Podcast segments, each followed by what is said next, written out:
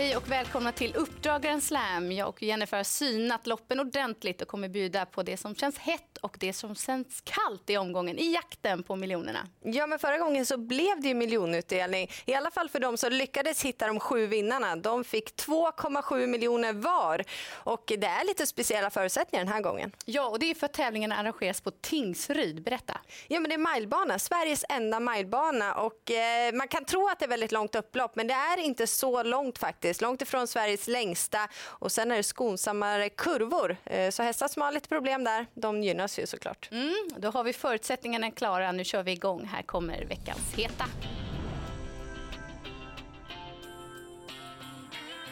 Och vi börjar i den tredje avdelningen med nummer fem Matilda Cash som har tre raka andra platser då hon har avslutat bra från bakspår. Hon är startsnabb, spår fem borde passa perfekt och skulle hon nå ledningen då känns hon väldigt spännande. Det är den positionen hon har tagit sina tidigare segrar ifrån. Hon är dessutom anmäld barfota runt om så att, ja, möjligheterna till att ta årets första seger de känns goda. Det borde vara hennes tur nu.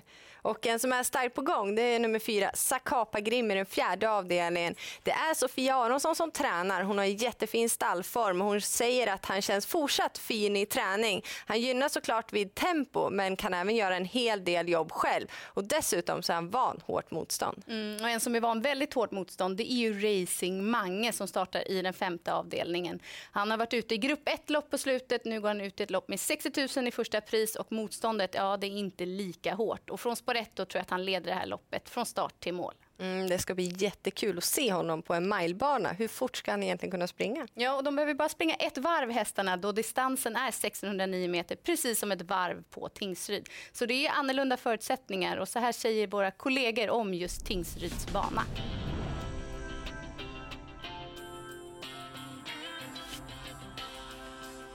Trots att banan är 1609 meter så är det utav största vikt att vara där framme.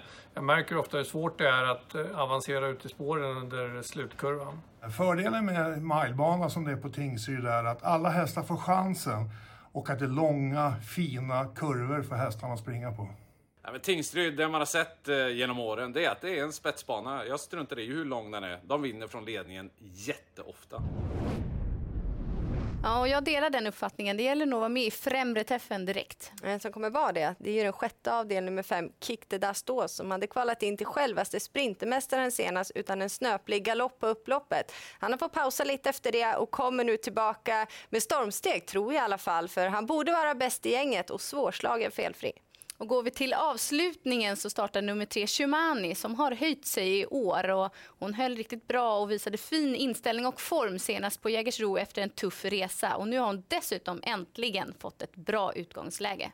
Jag instämmer, men problemet är att hon möter 10 Arvenas i samma lopp som har vunnit på Tingsryd, gillar distansen och visat att hon kan gå bakifrån också. Det känns som att hon har överkapacitet för sin klass. Det var det där lilla bakspåret. Men vi lämnar våra heta och går vidare. Här kommer veckans kalla.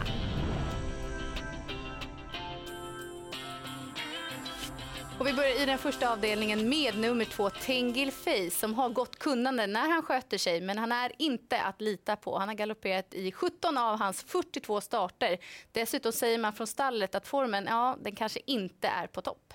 En som har bra form det är ändå ett Toto Barroso i den tredje avdelningen. Men han är bara tre år och Peter Untersteiner hade gärna haft ett annat spår än spår ett bakom bilen. Han tror inte att han kan hålla upp någon ledning och hästen är känslig i munnen så det föreligger stor galopprisk. Och går vi till den fjärde avdelningen så har vi nummer 10 Oscar Ella som är en fin häst som varit bra vid sina segrar men inte heller han är helt att lita på.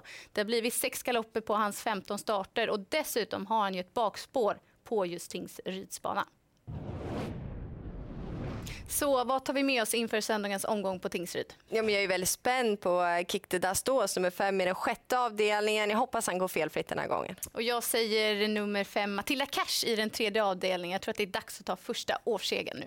Det enda man vet med säkerhet i alla fall, det kommer vara jättefina lopp. Det är ju spännande förutsättningar. Det är det. Lycka till med Grand Slam 75-spelet så ses vi om en vecka igen.